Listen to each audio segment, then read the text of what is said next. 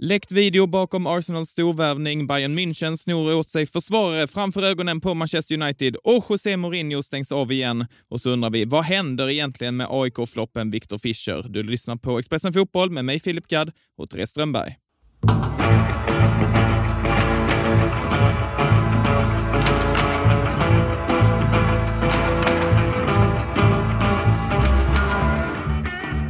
Therese, ska vi ta tag i allsvenskans största gåta på en gång?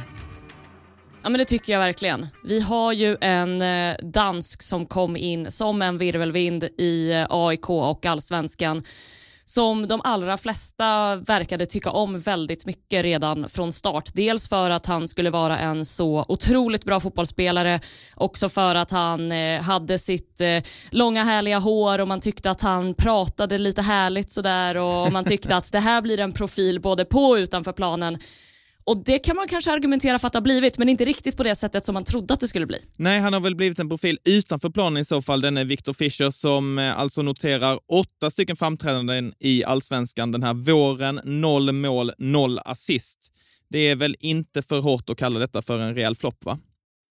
Nej, det är det verkligen inte. Och jag menar, återigen, vi var många som i, i början där eh, när han spelade lite grann i kuppen och det var väl den här matchen mot Östersund framförallt där han gör två mål och man med all respekt för att det var Östersund de mötte så tyckte man ändå att man kunde se en väldig höjd i kvaliteten som den här fotbollsspelaren har. Och man tänkte att det här, det kommer kunna bli riktigt bra. Och så stirrade man sig ganska blind på en del av de stora värvningar och, och stora namn framförallt som AIK hade, hade plockat in. Men eh, det är ju eh, rättvist att säga att ingenting eh, som skulle bli med AIK har fallit väl ut. Och eh, Viktor Fischer blir kanske den liksom, främsta symbolen eh, för hur ingenting har fungerat och det är ju inte det är ju det är mycket skador och de är ju återkommande i, i hans karriär. Han har haft problem med sin kropp och inte kunnat träna ordentligt och inte kunnat eh, spela ordentligt och när han har spelat så har det inte varit superbra. Han har haft svårt att komma upp i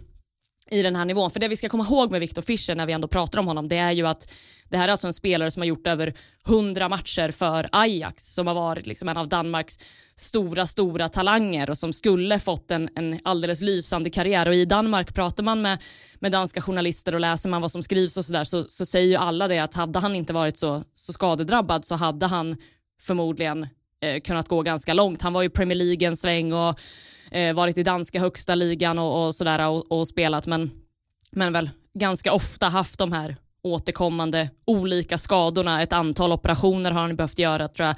Både baksida lår och, och någon ankel och sådär. Så att det, det är ju en spelare som kom med ett bagage som man kanske blundade lite för mycket för där i början i AIK. Ja, borde inte AIK haft med detta i kalkylen då? Att ja, det är en spelare som har väldigt höga höjder, men vi plockar också in en halt och lytt dansk.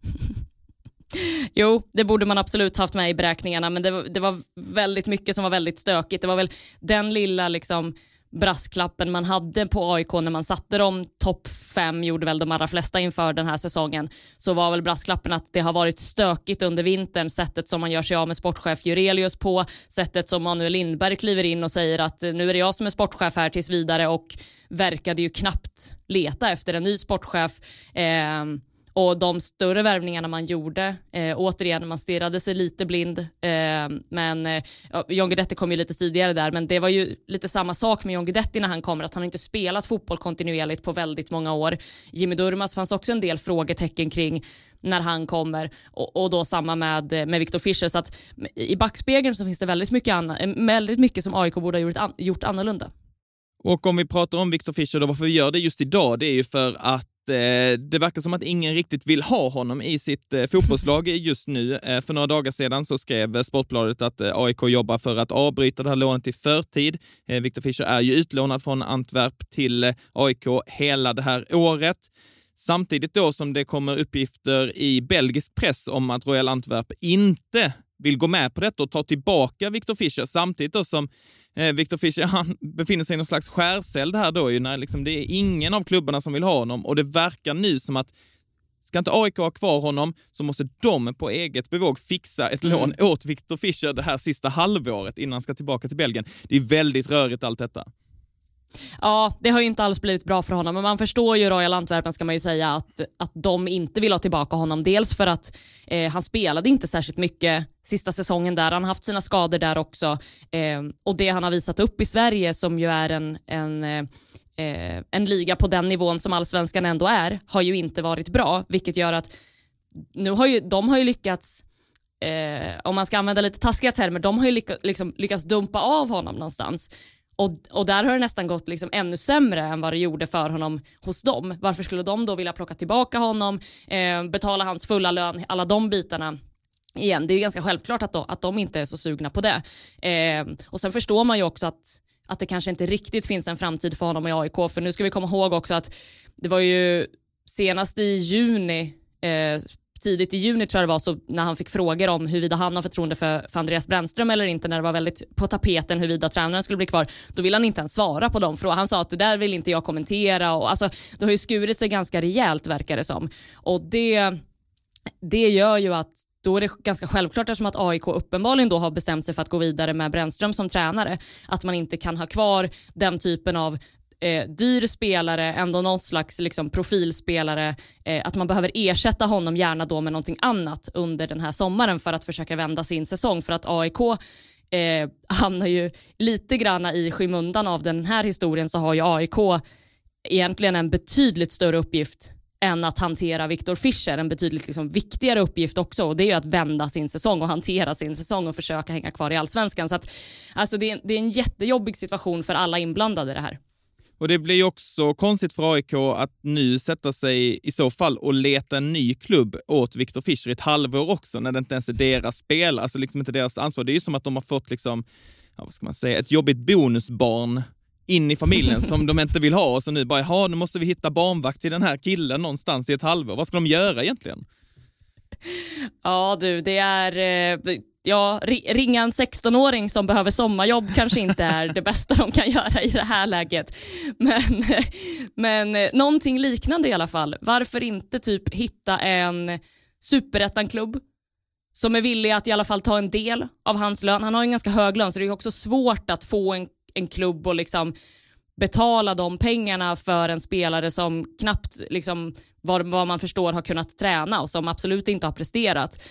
Um, men liksom kanske försöka dumpa av honom i en, i en superettan-klubb som kanske kan ta en del av lönen i en superettan-klubb, om han håller sig frisk, där skulle han kunna spela upp sig igen. Där hade han kunnat bygga upp ett självförtroende, vara den stora stjärnan eh, och få tillbaka lite av den här, liksom, den här statusen som han haft innan av att faktiskt vara en, en kvalitativ fotbollsspelare som någonstans gömmer sig bakom en massa skador.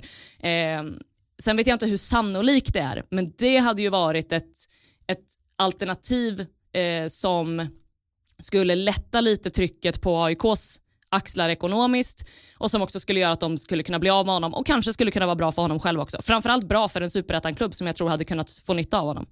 Eh, Viktor Fischer var inte med i truppen mot IFK Norrköping när AIK träningsspelade häromdagen. Allsvenskan startar igen på lördag borta mot BP för AIK. Tror du att Viktor Fischer är med då? Nej, det tror jag inte. Nu tar vi ett internationellt nyhetssvep.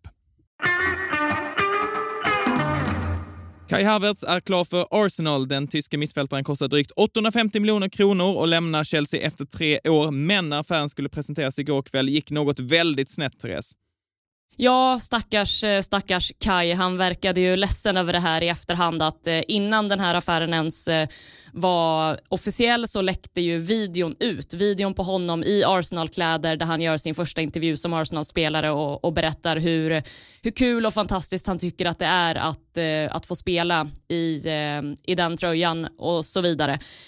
Och det har ju han gått ut nu eh, efteråt på sociala medier och också bett om ursäkt för, vilket det har vi pratat om i många år nu, att det börjar gå inflation i fotbollsspelare som ber om ursäkt för de absolut konstigaste saker. Eh, han skriver att eh, han hade föredragit om eh, om man hade fått hört eh, hans eh, känslor om att eh, lämna Chelsea eh, från honom själv först eh, och så vidare. Eh, och man kan ju argumentera för att man fick ju höra det från honom själv, för det är han själv som pratar i den här videon. Om det inte är en AI-robot. Exakt, det vet vi faktiskt nej, inte. Det, det kan man inte. aldrig vara säker på numera. Nej. Nej men, nej, men sen, sen, eh, det han menar är väl att han gärna hade skrivit någonting på sina sociala medier som spelare ofta vill eh, om, liksom, om sin tid i Chelsea och tacka Chelsea och Chelsea-supportrarna och sen då säga att jag, nu är jag glad över att få liksom, fortsätta i, i, i den här klubben istället. Så att, eh, man förstår att det var så han hade velat att det skulle gå till. Men jag tyckte det var lite överdrivet att be om ursäkt. Det var inte hans fel att det blev så här. Nej, det är inte hans fel. Det är väl liksom någon Johan som sitter på Arsenals eh, sociala medier-kontor som har gjort detta, inte Kai. Exakt. Det kanske är vår Johan som är på semester. Ja, det, oh, det, kanske det är nog hans fel. Ja, vi säger så. Napolis försvarsstjärna Kim Min-Jae har gjort sitt klubbval. 26-åringen kommer gå till Bayern München i sommar. Det är ett “here we go” enligt Fabrizio Romano. Tyskarna aktiverar därmed utköpsklausulen på knappt 600 miljoner kronor.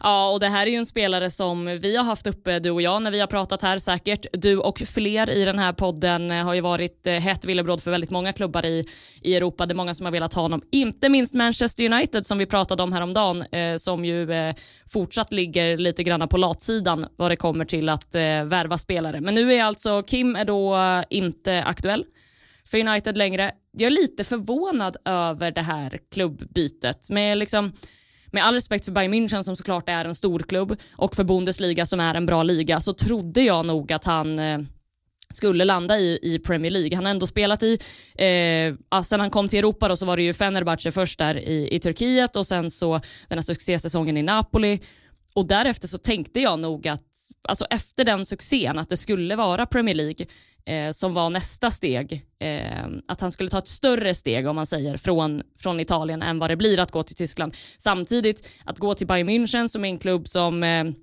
liksom vinner titlar nästan varje år, eh, som eh, kan vara med eh, väldigt ofta och slåss långt i Champions League eh, en klubb som, som liksom håller på nu och, och ska eh, bygga sig det här eh, enormt slagkraftiga laget igen. Det är ju det är ett bra steg. Eh, väldigt bra steg, även om jag trodde att det skulle bli större. Och kanske ännu bättre att, eh, att det faktiskt blir så här. Det är ju lite mer, man säger, eh, inte internt såklart, men om man kollar ur ett globalt perspektiv så är det ju lite mer lugn och ro att spela i Bayern München än vad det är att spela i typ Manchester United. Så att, eh, jag tror att det här kommer bli jättebra.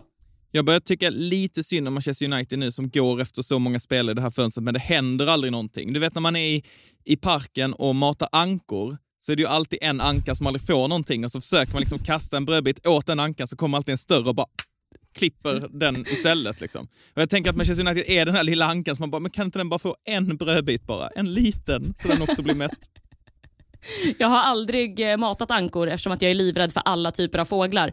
Men, eh, men jag förstår liknelsen och eh, det där är nog någonting som vi behöver komma, återkomma till. Jag var ju häromdagen väldigt, att jag tyckte att United kunde sitta ganska lugnt i båten och att det var ehm, eh, att det var rätt lugnt och det tycker jag fortfarande. Jag ändrar ju inte åsikt på två dagar för att man blir av med en mittback man har velat ha. Men däremot så är det ju ett signalvärde i att inte få de här spelarna som man väldigt hårt går efter och det finns kanske en problematik i bakgrunden rörande det eh, eventuella kommande ägarbytet också. Så att eh, Manchester United är en klubb som vi kommer förmodligen prata väldigt mycket om den här sommaren. Välkommen till Coolbet där spänningen aldrig tar slut och underhållningen står i centrum. Här får du inte bara Sveriges bästa fotbollsodds, du får också en spel...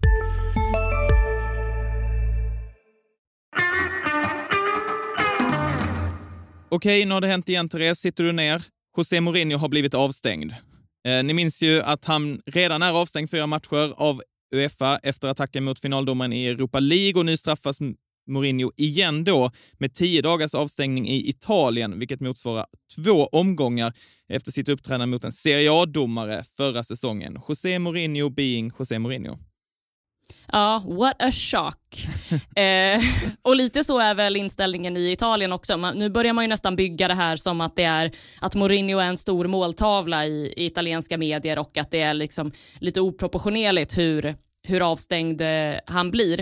Eh, och jag förstår, alltså, du och jag pratade ju här efter den här eh, finalmatchen eh, i den här podden och vi tyckte väl att det var vi pratade då om att man har någonstans lärt sig med åren att liksom omfamna att José Mourinho är José Mourinho. Men med det sagt så är det klart att han ska bli straffad när han bryter mot regler eller beter sig olämpligt. Däremot så tycker jag att i det här fallet med båda de här avstängningarna så blir det det, det, blir den diskussionen som ofta blir med avstängningar, att hur konsekvent är man i att stänga av folk som beter sig illa och hur, eh, hur proportionerliga är liksom straffen i förhållande till förseelsen, eh, hur ser det ut i andra fall eh, och så börjar man jämföra att den gjorde si och så, den fick inte så här lång avstängning eller den fick ännu längre eller det, det är där man ofta hamnar i de här avstängningarna egentligen, eller istället för att liksom bara landa i att nu gjorde han fel och så blev han avstängd och så går vi vidare med livet. Ehm, det är ju en relevant diskussion, eh, så är det ju. Eh, vad, vad, som ska rendera i vilken typ av straff och om det ska göra det för alla eller inte. Nu tycker jag att eh, du och jag stänger av varandra i en dag i alla fall, för imorgon så sitter Albin Julin och Petter Landén i den här studion.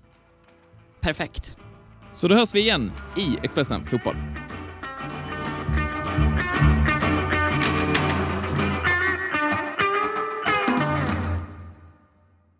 Du har lyssnat på en podcast från Expressen. Ansvarig utgivare Klas Granström